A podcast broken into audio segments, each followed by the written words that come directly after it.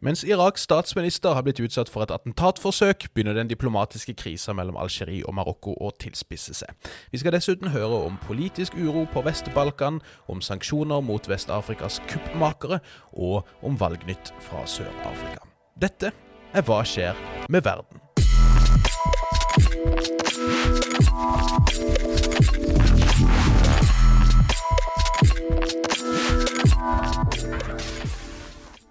Hei og hjertelig velkommen til en ny episode av podkasten Hva skjer med verden? Denne podden for deg som er interessert i det som rører på seg innen internasjonal politikk, krig og fred, og det rører et sted midt innimellom der. Mitt navn det er som vanlig Bjørnar Østby, og med meg har jeg som vanlig Nick Brandal. God formiddag, Nick Brandal. Jeg ser jo at uh, diverse TV-kanaler har begynt med Hallmark-julefilmene allerede. Å, grøss. Vi, eh, vi, får starte på en litt mer eh, skal vi si, hyggelig note. Ja, ikke hyggelig for, for de som Hyggeligere enn Hallmark sine julefilmer? Det, det, det, jeg kan liste opp ganske mange ting, faktisk, i min bok, som er hyggeligere enn det. Og, og, nå skal vi være litt forsiktige med å si at dette er for hyggelig, men vi må jo starte på den med en liten gratulasjon nemlig til Paul Biya, som er president i Kamerun. Han har nå regjert i intet mindre enn 39 år som landets president, og, og totalt 46, da, hvis vi, hvis vi, regner med hans tid som statsminister. Det er ikke alle som kan ta hjemmekontoret sitt fra Hotell Intercontinental i Genéve. Det kan Paul Bia, og det er jo eh, kanskje drømmen vi ber på, eh, Nick. Ja Jeg vet ikke. Du, du, det er dyrt i Genéve, da. Altså, ja, og du går faktisk lei av å bo på hotellrom også. Det er et godt poeng. Det er et godt poeng. Så kanskje ikke det er så grønt på den andre sida likevel, dette mye omtalte gresset. Du eh, har jo blitt en slags eh, en litt sånn Jeg vet ikke om vi skal kalle det klimakorrespondent? Klimahyklerkorrespondent? Er det noe du har lyst til å, å oppdatere oss på på den fronten der, Nick? Forrige uke så avsto jo vi fra å kritisere alle disse statslederne som fløy til dette klimatoppmøtet, samtidig som de snakka om behovet for å redusere utslippene. Ja. Eh, og det står vi fortsatt på. Eh, det, var, det er nødvendig å fly for de fleste for å komme seg til Glasgow, og det er viktigere å sitte der live. Men vi skal gjøre to unntak. Det gjør vi. Uh, Boris Johnson har jo fått særdeles uh, mye kritikk fordi at han fløy til Glasgow. Noe som tar uh, tre, tre og en halv time når du skal til flyplassen, du skal om bord i flyet, du skal fly og du skal ut av flyplassen. det tar fire og en halv time å ta toget. Dette hadde ja. vært langt mer effektivt, og det gjorde ikke saka bedre at han tilbake igjen fløy privatfly ikke fordi han skulle rekke noen viktige statsanliggende, men fordi han skulle nå en privat middag på en herreklubb. Altså, og det er en faktisk herreklubb der bare menn er tillatt. Sånn må det faktisk være. Men Boris Johnson blei overgått av eh, presidenten for EU-kommisjonen, Ursula von der Leyen. Rett nok ikke på dette møtet, men tidligere i år, i juni, så valgte hun å fly når hun skulle reise mellom Wien og Bratislava. Det er altså en avstand på under fem mil. Det, dette var tre ganger så dyrt, omtrent samme reisetid, og et utslipp på over 1100 kg kilo med CO2. Såpass må det være. Og dette er folka som nå da har stått foreløpig i ei uke, og skal holde på i ei ukes tid til med å lekse opp om hvor ille det står til med verden, og hvordan vi må gjøre noe nå. Og det viktigste vi kan gjøre, er eh, bl.a. å slutte å fly. Ja, og Norge har jo blitt mer eller mindre latterliggjort under denne Glasgow-konferansen. Ikke av andre diplomater til stede nødvendigvis, men, men eh, det er jo en, en, et greit snev med om ikke regelrett hykleri, så i hvert fall double speech, får vi vel si. Og eh, så til og med en ledende tenker innen utviklingsstudier eh, gikk så langt som å spørre om Norge var det nye britiske Ost-India-kompaniet. Så det er jo kanskje ikke et kompani man ønsker å være i, med en sammenligning som ikke er spesielt flatterende, kanskje. Men, eh, men den gang sånn, Sånn er det bare. Og, og vi har jo egentlig beslutta å ikke snakke så mye om den konferansen, for det er ikke så veldig mye å snakke om. Ikke noe sjokk der, men de har jo litt mer tid på å komme fram til noe litt mer matnyttig. Det britiske Øst-India-kompaniet har for øvrig hvis jeg ikke husker helt feil, gjenoppstått i ny tapning. eh, men nå da eid av en indier eh, som selger luksusprodukt. Der ser du. Der ser du. Vi druser av gårde med vår ukentlige roundup.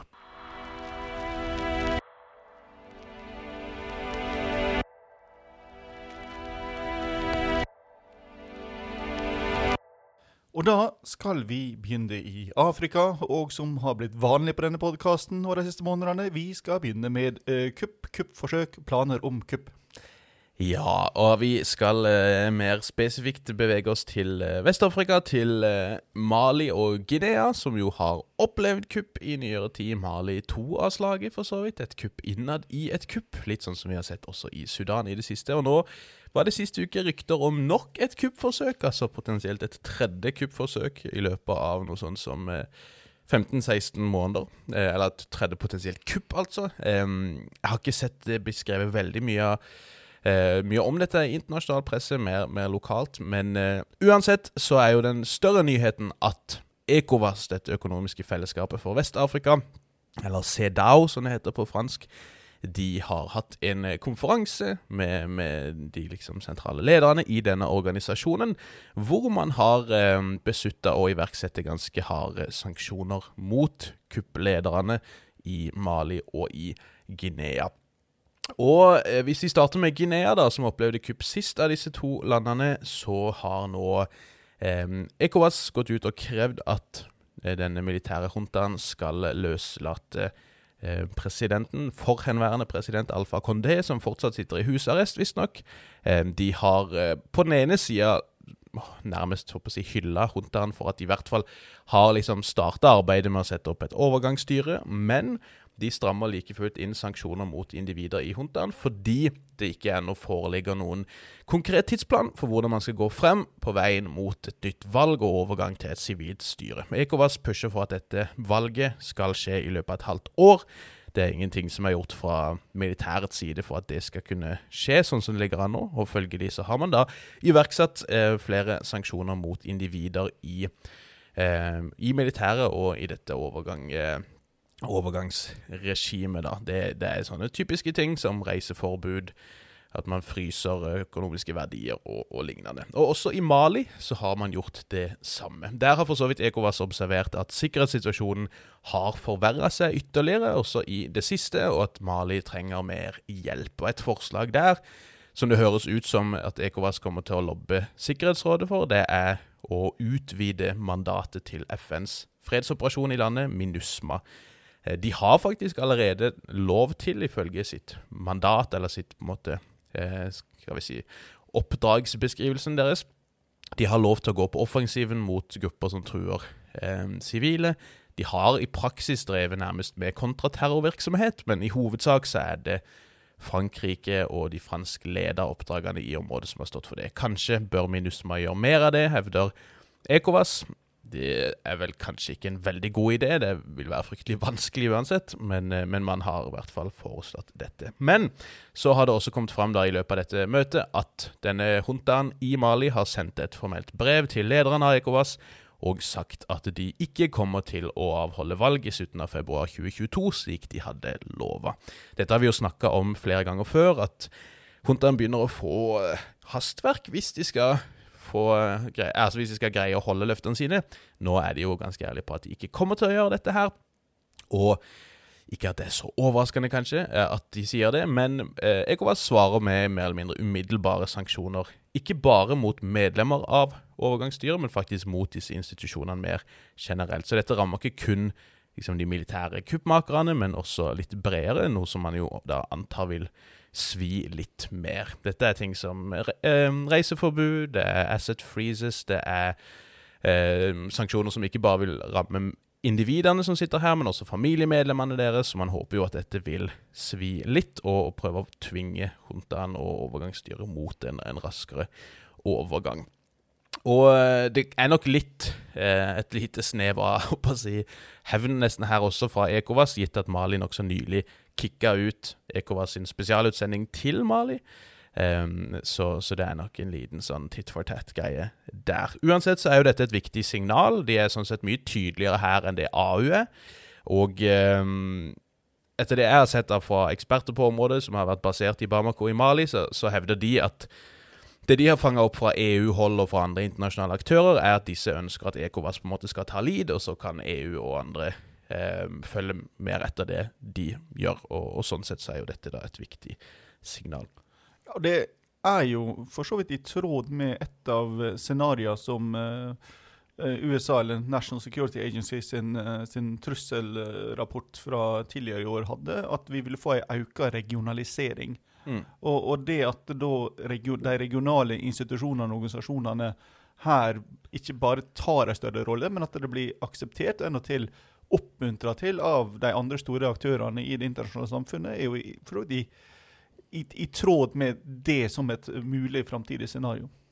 Ja, og så vitner det kanskje også mer om, om den den mer overordna liksom, fragmenteringa innen internasjonal politikk og internasjonal orden til, til, dels. Og vi har jo sett det her med Ekovas, vi har sett det for så vidt med Sadek, og, og hvordan de har prøvd å finne løsninger uten stort hell i Mosambik. Vi har sett det med IGAD i Øst-Afrika, og, og, nylig, som vi har snakket om, også med ASEAN i Sørøst-Asia, og hvordan de har prøvd å legge press på på huntaen i, i Myanmar. Eh, vi kan for så vidt nevne, bare apropos urolighet i Mali, det er jo stor uro mer generelt i dette grenseområdet mellom Mali, Burkina Faso og Niger. Og atter en gang så får vi feil nyheter om at eh, denne gang så mange som 69 sivile skal bli drept på Nigers side av grensa av eh, væpna men uvisst hvem det er. Men dette er et område hvor Den islamske stat i Stor-Sahara har vært veldig aktive. Ifølge en av de ledende konfliktdatabasene så anslår man at over 500 sivile har blitt drept til nå i år på Niger sin side av grensa. Og fra Vest-Afrika Nick, så kan vi bevege oss til eh, sørlige Afrika, og, og selve Sør-Afrika. Ja, de har jo hatt eh, lokalvalg, og det blei kanskje ikke et stort, men et aldri så lite jordskjelv. Og, og, kanskje et tegn om at uh, vi er i ferd med å se større endringer i det politiske landskapet. Mm. Siden raseskillet ble oppheva på 1990-tallet, så har jo uh, eh, ANC uh, eh, dominert fullstendig. Hatt godt over halvparten av stemmene ved, ved valg. og Jakob Zuma vel, har vel sagt noe sånt som at ANC var dømt til å styre Sør-Afrika til evig tid. Eh, men nå hadde vi lokalvalg, og eh, der kom ANC for første gang under 50 oppslutning nasjonalt. Hmm. Og sjøl i kjerneområdet, som KwaZulu-Natal og Gauteng, så endte de da under 50% Der de fortsatt står, står sterkt, er på landsbygda. Men i byene så hadde de markant tilbakegang. Og er, i dag så er det av de åtte største byene, så er det bare to av dem som er styrt av ANC. Mm. Og eh, Cape Town eh, ble jo da gjenvalgt på den eh, opposisjonspartiet nasjonalt, Demokratisk allianse. Og altså, ANCs stilling handler jo om nettopp det at det, det var de som leda an i kampen mot apartheid. Men i de senere åra, som vi har snakka om på denne poden, så har jo korrupsjon og makt, maktmisbruk kombinert med økende sosiale og økonomiske problem i Sør-Afrika, der jeg, skrikende mangel på investeringer i samferdsel, veier, offentlige bygninger, velferdstjenester. Og, og i det hele tatt eh, manglende, ja, manglende, mulighet for å investere. Og, og, dette har jo ikke blitt hjulpet av at ANC har vært i en slags intern borgerkrig mellom den tidligere presidenten Jakob Zuma, som har blitt dømt for eh, bl.a. korrupsjon og mm. maktmisbruk, mm. og den nåværende presidenten Cyril Ramaphosa, og, og, denne konflikten som da har pågått, Zuma truer jo hele tida med å komme tilbake, har i praksis lamma både partiet og dermed eh, mulighetene til å gjennomføre reformer. Ramaphosa mm. kom jo inn som en som skulle reformere dette systemet, som skulle starte opp igjen på nytt og skulle være ukorrupt, og har egentlig ikke fått til så veldig mye. Så er det jo interessant at dette valget heller ikke var spesielt bra for de største opposisjonspartiene. Eh, nevnte Demokratisk allianse gikk tilbake med 5 prosentpoeng til 20 oppslutning. Mens eh, det populistiske Økonomiske frihetskjempepartiet, eller Economic Freedom Fighters, eh, gikk bare så vidt fram, fra 8 til, til 10 oppslutning. Economic Freedom Fighters, altså. Det er kvalitet. Uh, her, her, Hvis Frp har tenkt å skifte navnet en gang til, her er et alternativ. Er tilbøyelig til å stemme på det. ja.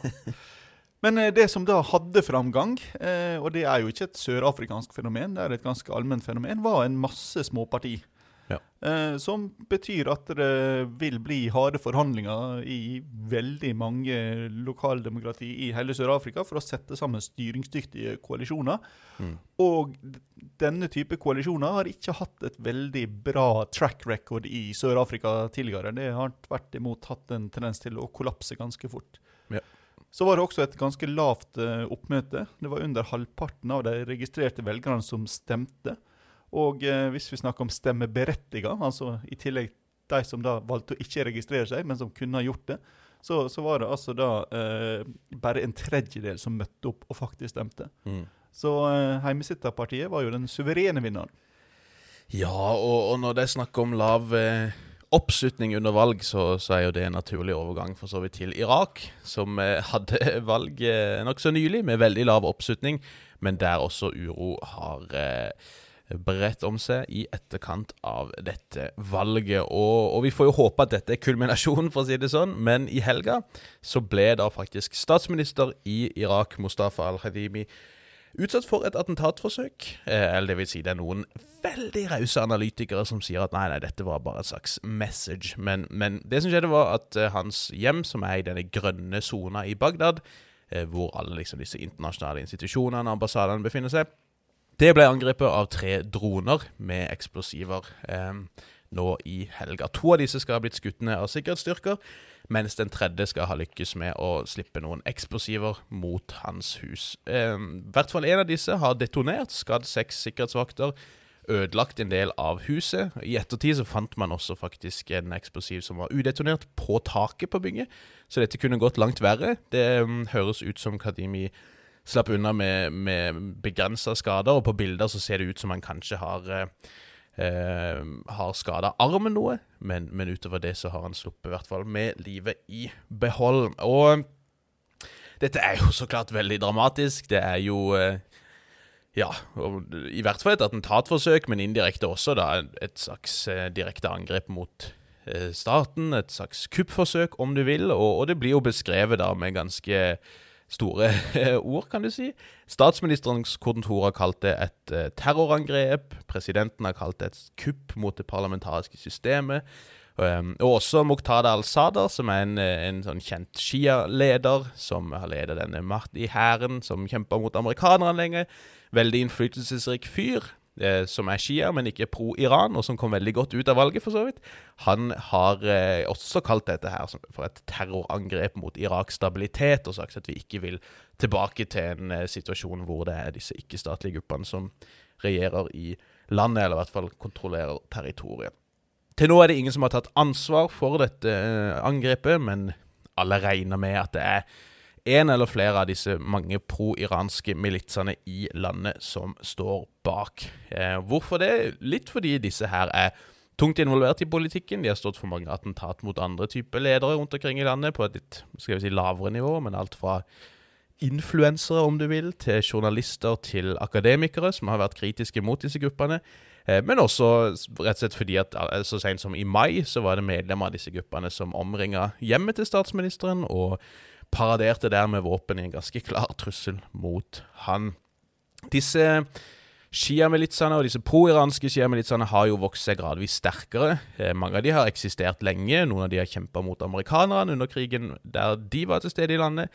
Eh, men det er spesielt egentlig etter 2014, og, og for så vidt etter 2017, men i forbindelse med kampen mot IS, at disse har vokst seg sterke. I 2014 så opprettet man disse såkalte Popular Mobilization Forces, eller Hasht al-Shabi, som er en sånn paraplyorganisasjon bestående av masse forskjellige militser. De aller fleste er shia, men noen kristne, noen få sunni, noen veldig få kurdiske også, tror jeg eh, som da skulle kjempe mot IS, og som var involvert i mange av si, de større slagene mot IS, da, om du vil. Og i disse gruppene her så finner vi jo også en del veldig pro-iranske elementer som er mer eller mindre lojale til Irans revolusjonære garde, eller IRGC. Blant disse så er jo grupper som Kataib Hezbollah, som eh, USA har anklaga for å ha stått for en rekke angrep mot amerikanske baser. Eh, og da Qasem Soleimani, som var leder for denne Quds-styrka til Iran, som på en måte står for mye av de internasjonale operasjonene til Irans revolusjonære garde. Da USA drepte han 3.1.2020, så drepte de også lederen for denne gruppa, Kataib Hezbollah, som er designert som en terroristgruppe av USA.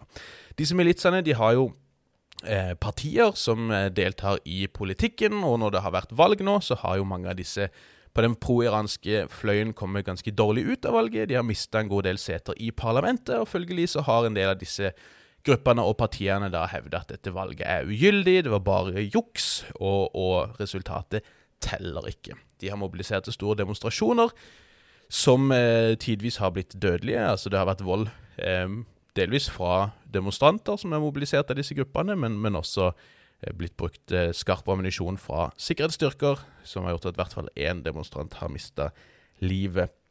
Og eh, de har jo gått så langt som å mer eller mindre true med borgerkrig, holdt på å si, fordi de ikke vil akseptere dette resultatet, som jo på en måte sier en hel del om, om hvor sterke disse har blitt, og hvor stor innflytelse de har i irakisk politikk. Og, og da hundrevis, kanskje mer enn 1000 sivile demonstranter ble drept i 2019, da disse store demonstrasjonene pågikk i landet, så, så anklages jo mange av disse pro-iranske militsene for å ha stått for mye av eh, Altså mange av disse drapene. Så de, er, de har blitt en veldig liksom, betydelig maktfaktor i irakisk politikk. De har langt på vei vært eh, måten Iran har forankra sin innflytelse ved at de har infiltrert politiet og, og, Forsvaret. Eller infiltrert, mye av det har jo skjedd helt håper si, åpent.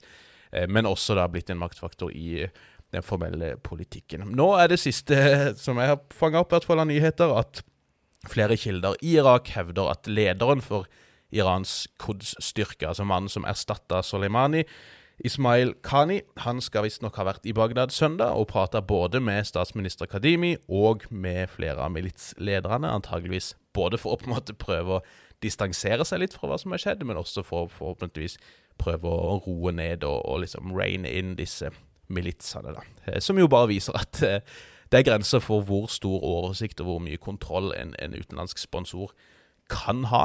Og, og disse militsene her har jo tross alt stor mulighet til å manøvrere sjøl, og kan med det skape stor uro i Irak, men også skape ganske så betydelig med hodebry, i verste fall, for Iran. Så er det jo en stund siden vi har snakka om Afghanistan, Bjørnar.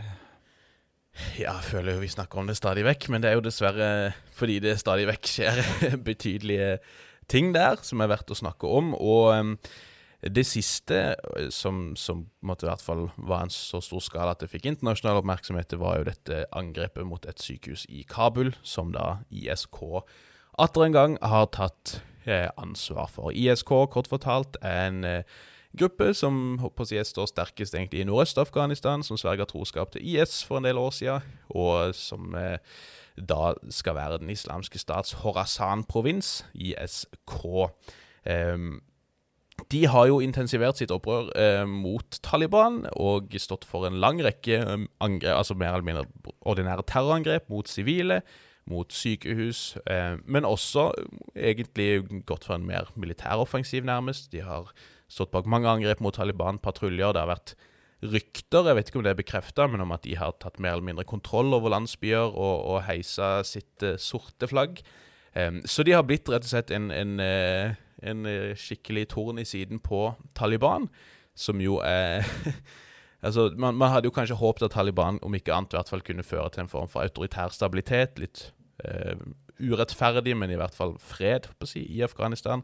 Det har jo dessverre ikke skjedd. Og i dette siste selvmordsangrepet på et militærsykehus i Kabul, så ble totalt, sies det i hvert fall, 19 Taliban-medlemmer drept, inkludert også eh, den håper jeg, høyst rangerte lederen som til nå har blitt drept etter 15.8, nemlig en kar som heter Hamdullah Mochlis, eller Mochlis, jeg er litt usikker på hvordan det uttales. Um, han er et av disse medlemmene i Haqqani-nettverket. Han skal ha leda en spesialstyrke kalt Badri 313, og um, er også en av disse gutta som uh, figurerte i mange av disse bildene da de satt på presidentens kontor, faktisk. Ja, han var jo uh, leder for uh, det som heter Badri 313-bataljonen, som var en av de to elitestyrkene som Taliban hadde nå, nå i, i den siste innspurten. Det, det, er ja. ikke, det, er en gammel gruppe, den ble oppretta i 2020 eller noe sånt. Mm.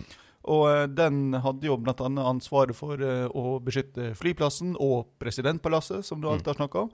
Og de ble jo, fikk jo en slags berømmelse da de trolla amerikanerne ved å kopiere dette Iwo Jima-bildet med soldater med, med, med, med flagg. Yes. Uh, så, og, men så Afghanistan går jo fra ille til verre, og, og, og det verste er jo den humanitære uh, situasjonen. Vi skal jo Mm. komme tilbake til det seinere, at uh, andelen mennesker som lever på grensa til hungersnød, har økt kraftig. Mm. Og eh, i det hele tatt så er den humanitære og økonomiske situasjonen kritisk.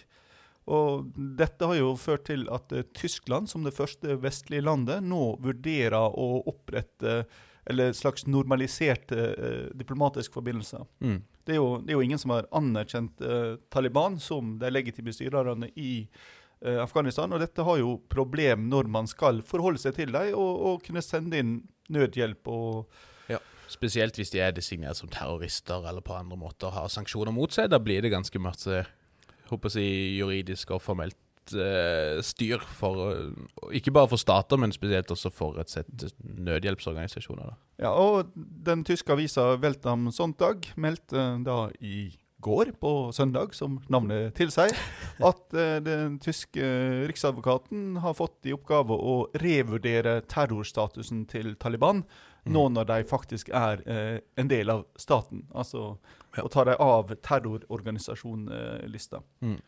Eh, og eh, i neste uke så skal eh, den tyske ambassadøren Markus Potzel tilbake til Afghanistan for å diskutere reetableringa av et tysk diplomati i, i landet. Eh, og eh, det, en del av dette er også å, å anerkjenne pass som er utstedt av Taliban, som legitime reisedokument, som vil gjøre det mulig for tyskerne å hente til Tyskland alle tolkene, altså alle afghanerne som har jobba for, eh, for Wehrmacht og, og ulike tyske hjelpeorganisasjoner. Mm. Som da ble lova opphold i, i Tyskland, men som de ikke rakk å få ut. Uh, I hvert fall ikke, ja, ganske mange som de ikke rakk å få ut. da. Og så er det jo slående også hvordan eh, Taliban etter hvert eh, får erfare det mange før har erfart også, at det ofte er lettere å være i opposisjon enn å skulle styre sjøl. Og eh, det er jo kommet av rapporter etter hvert, og, og uttalelser fra fotsoldater i Taliban på nettopp dette med at det var mye mer liksom ærefullt og ålreit å, å være en eh, mujahid, holdt på å si, og, og kjempe den hellige krigen, og, og forholdene var mye bedre, mens nå som de er busy med governance og sånn, så, så er situasjonen mye vanskeligere, rett og slett. Det er dødsvanskelig å regjere, det er kjedelig å regjere ofte, og, og forholdene for mange av de har blitt verre heller enn bedre, faktisk. Um, og, og en av de store ironiene her, det er jo at også Taliban får oppleve vanskene med å drive kontraopprør. Dette har vi jo sett mange interessante eksempler på, for så vidt. eh, Med Vietnam som beseirer USA og invaderer Kambodsja og ender opp med å kjempe en eh, vel så vanskelig kontraopprørskrig der, og går i mange av de samme fellene som amerikanerne gjorde da. Også Taliban ser ut til å bli sugd inn i en del problemer her. For i nordøst, i disse områdene hvor eh, IS har stått sterkest, så er det mange som er salafister. En form for veldig konservativ sunni-islam, som ikke nødvendigvis trenger å være politisk i det hele tatt. Mange salafister er kvietister, såkalt, så de ønsker et retur til på en måte den Sånn som islam og, og det islamske samfunnet så ut den første generasjonen etter Mohammed, men det er ikke alle som nødvendigvis er politisk engasjert. Og spesielt så er jo eh, fåtallet av de håper si, medlemmer av IS. Mange av de har ingenting med IS å gjøre. Eh, Taliban er på sin side eh, Deobandi eller Hanbali-type muslimer, som er en litt annen art av islam, og, og sånn sett eh, de ser ikke eye to eye med IS på en del ting. Eh, men litt av problemet er jo det at de skal prøve å beseire IS og slå ned på deres opprør i disse områdene, områder de ikke kjenner så veldig godt til. Taliban er på mange måter outsidere her. Og det er jo en del tilfeller nå av det som virker som rett og slett at man dreper sivile, som, som andre hevder er IS-medlemmer. Dette er et sånn klassisk problem. Når det kommer folk som skal drive kontraopprør til om, et område de ikke kjenner, så er det jo ofte en del som bruker anledninger til å settle scores og til å rett og slett ja, løse andre sine problemer i en kontekst av pågående konflikt, og kommer med tips og, og, og liksom tyster på folk, eller sier at disse her folkene er, gjør dette og dette, og de bor der og der. Og så blir da noen som kommer utenfra, i dette tilfellet Taliban, sugd inn i lokale det kan være familiefeider, det kan være lokal maktkamp eller lignende, som bare gjør situasjonen verre, som gjør motstanden mot Taliban verre, akkurat som USA og Sovjetunionen og mange andre før de har fått erfare. Så det er ganske eh, ironisk. Det er jo så klart tragisk også at det, at det blir som det blir, men, men det viser jo vanskene eh, av å og skulle prøve å, å regjere her. Og, og, litt av problemet er jo at Taliban, som så mange før, sier at de ønsker en sentralisert stat. Det har vært dødskysset for de fleste andre som har forsøkt det tidligere, og, og det ser jo dessverre ikke ut til at heller Taliban lykkes med det. Og når vi snakker om vanskene med å regjere, så har det jo skjedd et aldri så lite mirakel i det hellige landet. Ja, og det er jo du som er den hellige land-korrespondenten her, Nick, så jeg tror vi bare spiller ballen rett tilbake til det, for dette kan jeg ingenting om. Nei, altså, det, det, som har skjedd, mirakuløst nok, er at Israel for første gang siden 2018 har fått vedtatt ikke bare ett, men to statsbudsjett. Halleluja. Dette har jo vært en del av eh, problemet eh, med, ja. som har utløst alle disse nyvalgene. Altså, man må få vedtatt et budsjett, og hvis ikke man klarer det, så må man skrive ut et nyvalg. Mm. Og eh, eh, det som da skjer, er at det kommer en ny regjering som ikke klarer å få flertall for sitt budsjett, og så må de styre på det eh, forrige års budsjett uten, før de må gå av og skrive ut nyvalg igjen. Mm. Og nå var jo fristen eh, 14.11., altså ikke så mange dager til, før de måtte få vedtatt et budsjett. Og det klarte de da med minst mulig margin. De vedtok 2021-budsjettet med 61 mot 59 stemmer. Eh, og dette var jo den første store testen for denne koalisjonen til Naftali Bennett, med åtte partier eh, fra de aller fleste avskygningene til lands og til vanns og, og i lufta med, som, som har knaka i sammenføyningene. Mm. Eh, det arabiske Ram-partiet har vært kritiske til at løfter om å investere i de palestinske samfunnene i Israel ikke har blitt fulgt opp, mens det venstreliberale Meretz-partiet har kritisert at eh, man har drevet og lyst ut eh, budkonkurranse på bygging av 1300 leiligheter på den okkuperte Vestbredden. Ja, og nå er det jo bare noen uker siden også myndighetene i Israel har, har terrorstempla flere palestinske menneskerettighetsorganisasjoner også, som ikke har gått hjelper på det politiske klimaet, kan vi si. Nei, og Det som skjer, er jo at regjeringa ikke egentlig kan ta opp vanskelige saker. Så eh, mm. departementer driver mer eller mindre og frilanser. Ja. eh, så, eh, men dette var jo eh, da et gedigent nederlag for Netanyahu og Likud-partiet, som hadde håpet at budsjettprosessen skulle kollapse, og det skulle bli nyvalg og gi en ny sjanse til comeback for Netanyahu. Det er vanskelig å se siden dette er podkast, men jeg tar fram min ørlille fiolin her og, og spiller en, en, eh, trist sang for Benjamin. Og ja, og det har jo blitt spekulert i om dette var det siste håpet til Netanyahu på et eh, comeback. Eh, nå vil han være i opposisjon, i hvert fall til rettssaka er over, og da kan han være ute av israelsk politikk. Ja. Ehm, så eh, klarte man jo da som sagt å vedta to budsjett. Man klarte nemlig også å få vedtatt budsjettet for 2022. Hey. Og det er jo det da som gjør at man nå faktisk har litt ro til å styre. Eh, mm. Og eh, ikke minst, denne regjeringa til Bennett kom jo inn med et sånn maktdelingsavtale der Jair Lapid, som da er lederen for det andre store partiet, skal ta over i 2023. Og nå vil faktisk regjeringa vare til 2023. Yes famous last words, men vi så, Det ser jo eh, faktisk ja. sånn ut. ja. Så er det jo et spørsmål eh, om hva som skjer den dagen Netanyahu forsvinner. Om denne alliansen da er, er mulig å holde sammen, eller om den vil kollapse. Og, og, og. Så Likud er ikke ferdig i israelsk politikk. Det mm. tror jeg vi kan slå fast. Eh, men så lenge Netanyahu er lederen deres, så, så, ser det ut til at de vil bli holdt utafor. Mm.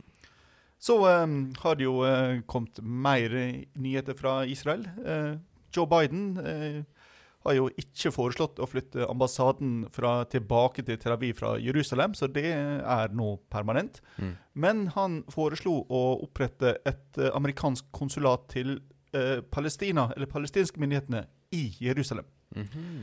Uh, dette ble jo da kraftig avvist nå både av Bennett og av Jair Lapid. Uh, og Lapid foreslo i stedet at dere kan jo lage et konsulat i Ramallah. Det ble kontant avvist av Mahmoud eh, Abbas, som sier at det er uakseptabelt at vi skal akseptere eh, et konsulat noe som helst annen plass enn i Jerusalem, som er vår hovedstad. Mm. Så um, Joe Biden uh, kan vel uh, ja, La oss ikke regne med at han får til så mye mer i uh, Midtøsten enn hans forgjengere har fått til. Nei. Eh, du har skrevet på den neste overskriften 'Alle verdens reaksjonære for en eder'. Utdyp gjerne. Ja, her er det jo en gammel venn av podkasten, Viktor Urban, som har vært på reise. vi skal være veldig forsiktige med hva vi sier om Orban. Uten at vi kan gå så veldig inn i, i det. Nei, eh, Den ungarske statsministeren har vært på en snarvisitt til Bosnia, men ulikt de fleste andre statsledere som drar på eh, utenlandsbesøk, så dropper han å besøke hovedstaden, og han dropper å besøke den eh, lovlige valgte regjeringa i Bosnia. Ja. I stedet så dro han rett til møte med lederen for de serbiske separatistene, Milan Dodik, i Banja Luka, i det som da separatistene kaller Republika Serbska. Mm. Og um, Dodik er da leder for uh, de som arbeider for å skille Republika Serbska ut fra Bosnia. Og han driver hele tida og truer med å opprette, eller vi bør kanskje heller kalle gjenopprette, paramilitære serbiske styrker, som kan da potensielt uh, bli startpunktet for en ny militær konflikt i Bosnia. Ja, og for de som husker folk som uh, Mladic og Karadzic, så var jo dette folk som eh, leda henholdsvis de militære styrkene til Republika Serbska og, og håper si, staten eller republikken sjøl, om du vil, under denne fryktelig blodige krigen i Bosnia på begynnelsen av 1990-årene. Og Det lover jo da ikke spesielt godt når representanter for eh, Republika Serbska uttalte i ettertid at Orban hadde gitt eh, sin og Ungarn sin helhjerta støtte til separatistene som eh, ja, politisk, fall i kulturelle og sosiale spørsmål, eh, ligger ganske nær både eh, Orban og for den saks skyld Vladimir Putin. Ja, og, og, vi bør kanskje egentlig snakke litt om situasjonen på, på Vest-Balkan. Det var vel eh, Otto von Bismarck som en gang i tida før første verdenskrig sa at hvis det blir en ny krig i Europa, så blir det pga. noe fordømt tull på Balkan. Og ikke det? Og um, når det er spenninger på Balkan, så er det ofte verdt å følge med, for det har jo vist seg å kunne bli ganske skjebnesvangert tidligere. Og det er jo en hel del ting som rører på seg på Vest-Balkan. Mye av det med opphav i den politiske eliten i, i, Serbia. Der har vi to karer som heter Aleksander og noe på V. Aleksandr Vucic, som er president, og Aleksandr Volin, som er innenriksminister, som begge har fronta ideer som har en ganske Ja, det har en viss historisk klangbunn, og den er ikke spesielt positiv, kan vi si. Før så snakker man om, om Stor-Serbia. Enda før det så hadde man denne panslaviske ideologien og alliansen mellom Russland og, og Serbia. Under, under, krigene på Balkan på 90-tallet så var det jo mye denne ambisjonen om å opprette et Stor-Serbia med alle områdene hvor det var etniske serbere på Vest-Balkan.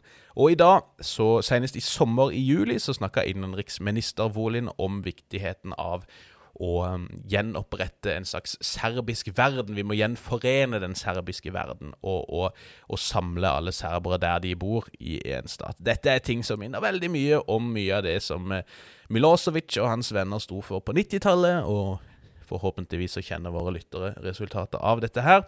Så, så det er Ja, det er ganske ja, litt sånn urovekkende tendenser der. Vi, vi ser jo eh, at det er en tett allianse mellom eh, Mr. Dodik i Republika Serbska og den serbiske stat. Han er jo egentlig politisk og økonomisk avhengig av støtten han får derfra, selv om han også har bygd bånd til Vladimir Putin. Eh, men, men, vi ser jo at Dodik og hans venner mer eller mindre unilateralt har eh, forlatt eh, noen av de institusjonene som ble oppretta i denne Dayton-avtalen i 1995, som skulle liksom løse krigen i Bosnia. Ehm, det har de ikke egentlig lov til, men de har gjort det like fullt. Og med det eh, nærmest undergravd den eh, fredsavtalen og det arbeidet som ble gjort der. Samtidig så har vi sett store spenninger mellom Serbia og Kosovo, der Serbia utplasserte hærstyrker og hadde militære fly i, i, lufta på grensen mot Kosovo så sent som i september. Det ser ut som spenningene der har avtatt noe, men, men eh, dette skjer jo et område som man har forsøkt å holde demilitarisert siden 1999, men, men er jo også med på å utfordre en del av den skal vi si, ordenen som man har hatt der siden. Og også i Montenegro så har det vært store spenninger eh, av mer religiøs art om hvem som skal lede kirka der, der man har sett det på Sett på det som nærmest serbisk eh, infiltrering holdt på å si, av religiøse autoriteter i Montenegro, at den serbiske stat har vært med på å fyre opp under eh, latente spenninger der. Eh, så vi ser i det hele tatt, kombinert med denne ideen om å gjenforene alle serbere Um, en, del, en, del, trekk som er veldig uheldige. Og jeg ser jo de som følger situasjonen og som har peiling på dette her, de er litt ekstra bekymra fordi på den ene sida så ser vi Russland og Putin er stadig mer involvert. De har tette bånd til uh, Vucic i Serbia, de har tette bånd med Dodik, Republika Serbska.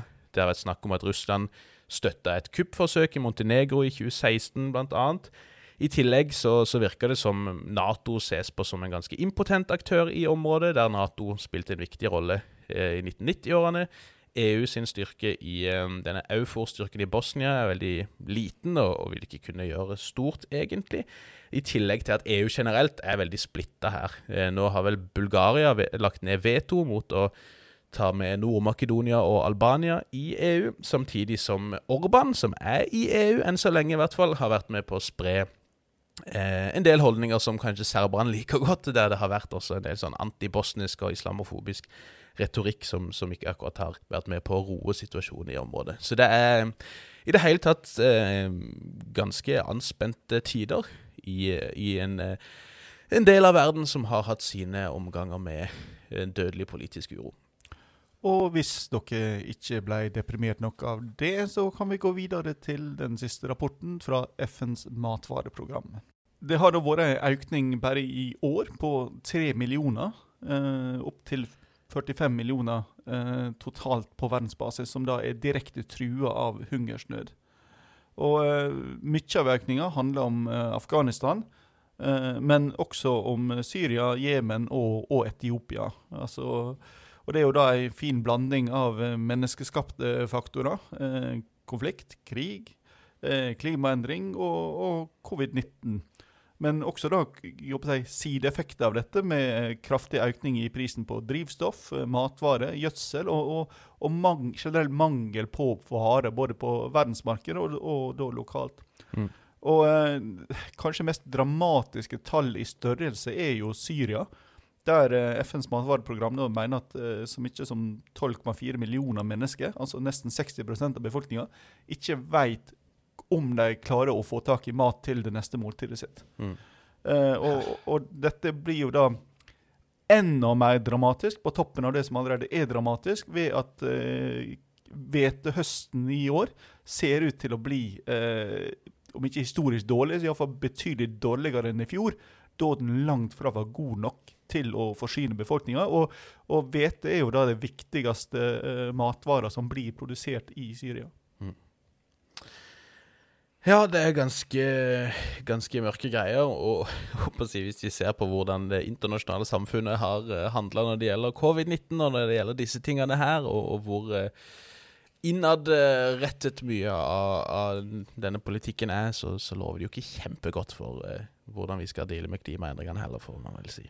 Nei, og um, det er jo heller ikke all verdens uh, bra for uh, nobelprisens uh, gjennomslagskraft. FNs matvareprogram var vel fjorårets vinner, hvis jeg ikke husker helt feil. Og, og blir jo hindra i å gi mat til folk som trenger det, av fredsprisvinneren to år før det. So there we are.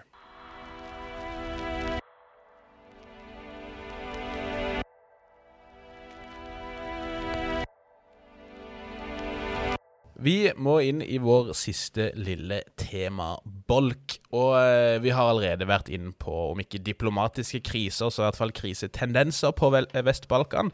Men vi må avslutte dagens episode med å snakke litt om den diplomatiske krisa i Nord-Afrika. Nærmere bestemt mellom Algerie og Marokko. En krise som eh, begynner å ja, Vi får håpe at den har nådd sitt klimaks, kanskje, men en krise som, som, har tiltatt de siste ukene. Det siste nå er at Algerie har uh, gått ut og anklaga Marokko for å ha bomba og drept tre lastebilsjåfører fra Algerie på en motorvei i ørkenen et sted mellom Mauritania og Algerie. Man antar at eh, de har kjørt på en vei fra Vest-Sahara, eh, fra Mauritania, unnskyld, gjennom en del av Vest-Sahara og inn i Algerie. Eller i hvert fall ønska å komme seg inn i Algerie, men antageligvis har blitt bomba mens de var i Vest-Sahara.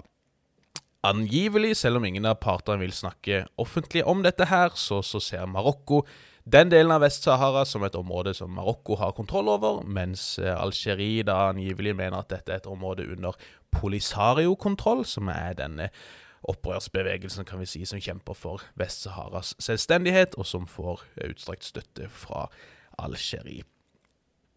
Eh, Algerie har vært ute og anklaga marokkanske okkupasjonsstyrker i Vest-Sahara for angrepet. En sånn prostatlig eh, avis var ute og snakka om statlig terrorisme fra Marokkos hold. Og um, Algerie har jo også vært ute og meldt rett og slett at dette ikke vil gå ustraffet hen. Eh, dette er ikke noe vi bare kommer til å la passere.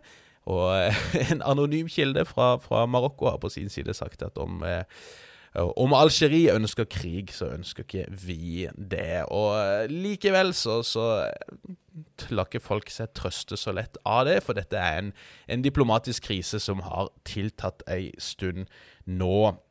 Og mye av denne krisa har jo utgangspunkt nettopp i konflikten i Vest-Sahara. Per dags dato så kontrollerer Marokko noe sånn som 80% av territoriet i Vest-Sahara, som tidligere var en spansk koloni, men som ble annektert av Marokko i 1975. Og fra 1975 til 1991 så pågikk det en krig der mellom eh, primært da marokkanske styrker og denne Polisario-bevegelsen, som har fått stor eh, støtte fra Algerie. Konflikten har i praksis vært eh, frossen, egentlig, siden 1991. Da var det snakk om eh, Altså, løsninga man kom fram til, var at man etter hvert skulle ha et eh, referendum, en folkeavstemning, om da Vest-Saharas status, og om den eventuelt skulle opprettes som en selvstendig stat. Men vi har aldri kommet fram til dette referendumet. Vi har aldri hatt noen folkeavstemning. og etter en lang periode med mer eller mindre stillstand, så gikk Polisario ut i uh, fjor, i november, og sa at nå er våpenhvilen null and void, etter at Marokko hadde uh, gått inn i noen områder og, løst opp en blokade som Polisario mente var i strid med denne avtalen.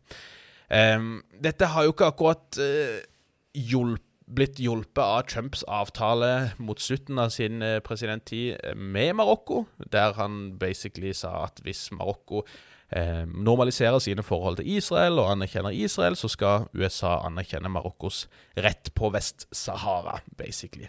Det, brukte, han en, brukte han en sharpie for å tegne hvor den nye grensa skulle gå? Eh, det kan godt tenkes, hadde ikke overraska meg. Og i, i, hvert fall så, så var det jo mye snakk om, om dette på det tidspunktet om hvordan USA i praksis egentlig går inn nærmest som en spoiler da, mot denne fredsprosessen. Eh, AU har jo eh, anerkjent Vest-Saharas medlemskap, så, så Vest-Sahara er et medlem av AU. Marokko boikotta AU av den grunn. De ble vel med igjen i 2017, men har boikotta AU lenge av eh, dette her. Eh, bare sånn veldig sånn kontekstmessig, da, hvorfor støtter Algerie Polisario? Litt av grunnen er nok fordi at man har strategiske interesser i eh, Vest-Sahara. Et eh, Vest-Sahara støtta av et vennligsinna Polisario, altså vis-à-vis Algerie, vil være nyttig fordi man kan eh, få tilgang til Atlanterhavet på den måten. Man kan potensielt få tilgang til eh, gode avtaler når det gjelder fiske og andre typer råvarer. Så, så det, er, det, er, ikke bare for å være greie, liksom. Det er jo årsaker til at Algerie gjør det de gjør. Uansett, i løpet av det siste året så har Marokko rapportert til FN og deres Minurso-styrke i Vest-Sahara eh, at de har loggført mer enn 1000 trefninger med Polisario da, i løpet av det året som har gått. Mye av dette har vært sånne litt sånn halvhjerta artilleridueller langt, langs en sånn 2700 km lang frontlinje ute i sanda der. Eh, Polisario hevder på sin side at tallet på trefninger er enda høyere. Nå har ikke dette vært en veldig dødelig affære i denne omgang, heldigvis. Marokko hevder at, har, at seks soldater har mista livet. Polisario hevder at eh, noe sånt som et dusin sivile og et dusin soldater fra sin side av saken skal ha blitt drept i løpet av denne perioden. Men denne konflikten og det at den har blussa opp igjen på denne måten, det har jo gjort at eh, rivaliseringa mellom Marokko og Algerie har eh, skal vi si, tilspissa seg.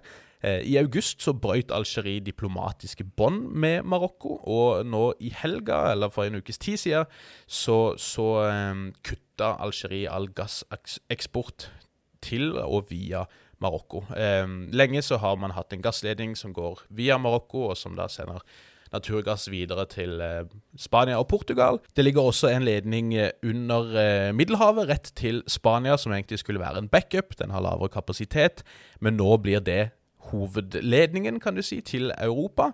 Det skaper jo misnøye og uro i Spania, der det allerede begynner å bli eh, ganske høy etterspørsel og stor mangel på drivstoff. Eh, men, men, det virker som det er gjort rett og slett bare for å få Marokko ut av ligninga. Man har unngått å fornye kontrakten som gikk ut for noen dager siden, og, og med det så, så står man da i en situasjon for første gang siden 1996 at det ikke er noe naturgass som går fra Algerie til Marokko. Disse her har jo altså Det er jo mange år med rivalisering de imellom. Det var en grensekrig ikke så lenge etter Algerie fikk sin selvstendighet. De har stadig vekk anklaga hverandre for å støtte hverandres fiender, hvor eh, Algerie hevder at Marokko skal ha støtta eh, opprøret i Algerie på 90-tallet, og derfor har holdt grensa mot Marokko stengt siden den gang. Mens eh, det er vidt kjent at Algerie støtter Polisario på samme måte som de har støtta folk som Yasir Arafat og Nelson Mandela og andre. Og i det siste så har det jo kommet håper jeg, stadig villere, villere påstander fra Algerie også, om at Marokko ikke bare skal ha spionert på telefonene til ledere i Algerie, men at de attpåtil skal ha eh, antent en del av disse skogbrannene som herja i Algerie nokså nylig. Andre har jo anklagd eh, sionister, som vi snakka om for eh, en tid tilbake, men dette vitner jo om et ganske usunt forhold de imellom, som nå da der man har disse bombingene av disse lastebilsjåførene for å toppe det hele. Det meldes om økende frustrasjon blant eh, flyktninger fra Vest-Sahara, både i Vest-Sahara, som har vært i leire i mange mange år, men også i eh, Algerie, og spesielt blant de yngre, og spesielt unge menn, så snakkes det om en, en økende vilje til å, å, virkelig konfrontere Marokko militært. Man er jo bekymra for at Algerie kan prøve seg på eh, et eller annet eh, hevnangrep på en eller annen måte mot infrastruktur eller lignende. Uh, Sikkerhetsrådet er jo for en gangs skyld sånn tålig på, på ballen. De har eh, fornya denne fredsoperasjonen Minurso uh, noen år. De har mana til nye møter og forhandlinger.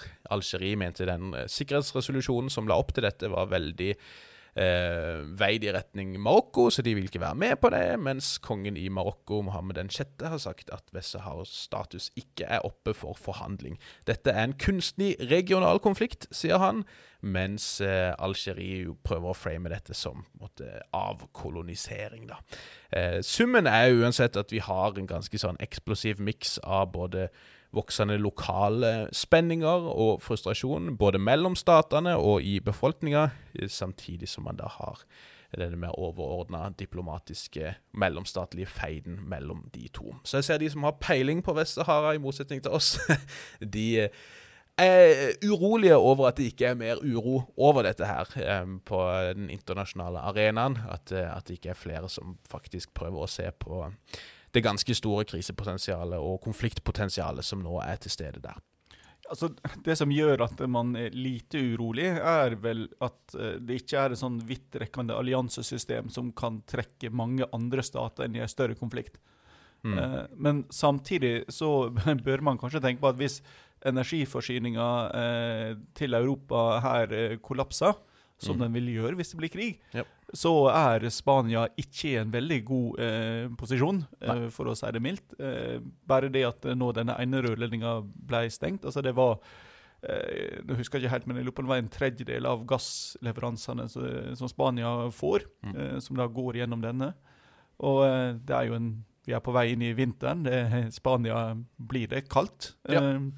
Ja, om noe skulle skje med denne reserveledningen, holdt på å si, så, så har du eh, et stort problem rett og slett om du er Spania. Så jeg ser jo flere se på dette som egentlig liksom en, en eh, At det er spansk diplomati som har mislyktes fullstendig. Eh, vi vet at det har vært et slags militært kappløp også mellom disse statene, og, og Marokko skal, som veldig mange andre, ha kjøpt disse Bayraktar-dronene til eh, Tyrkia, eh, som man jo også da lurer på om står bak disse eh, angrepene mot lastebilene. Nei, altså er jo dette ikke egentlig så veldig bra for Sikkerhetsrådet. Altså Det, det er Mm. bra at de klarer å bli enige, men, Jo, jo, men, eh, men Sikkerhetsrådet skulle ha to funksjoner. På den ene sida skulle de hindre at ting skjedde altfor fort, og på den andre sida skulle de eh, få eh, ting til å skje på en ordna måte. Mm. Og eh, de er veldig gode på den første, hindre at ting skjer, i hvert fall at det skjer fort. Men når Sikkerhetsrådet for en gangs skyld er enige, Mm. og så klarer de likevel ikke å presse gjennom verdenssamfunnet si vilje på da to eh, aktører som i utgangspunktet burde være veldig svake, Mm. opp mot den samla makta som ligger i Sikkerhetsrådet, det, det, er, det er ikke bra, altså. Nei, det tar seg ikke veldig ut, og det viser jo kanskje på den ene sida litt av, av, av eh, liksom konsekvensene som henger igjen etter Trump-administrasjonen sin liksom eh, ja, frenzy mot slutten der, med all verdens slags avtaler på kryss og tvers. si. Det ser jo både, som du sa, med, med hvor ambassadene skal være, men også her, da, hvor, hvor heller ikke Biden-administrasjonen har vært helt tydelige på, på hvor de, de egentlig står nå. Hvem, eh, hvem sine krav de egentlig stiller seg bak når det gjelder Vest-Sahara. Eh, Og når det gjelder Sikkerhetsrådet? De, de greide endelig å komme med en liten resolusjon der de maner til våpenhvile og våpen Ja, altså til, til fredssamtaler i Etiopia. Ganske nøyaktig ett år etter krigen starta, men det ble liksom feira som en suksess for internasjonalt diplomati. Så det, det sier jo litt, eh, litt hva vi har med å, å gjøre, rett og slett. Og med det så kan jo vi eh, desillusjonerte kynikere takke eh, for oss, som vanlig.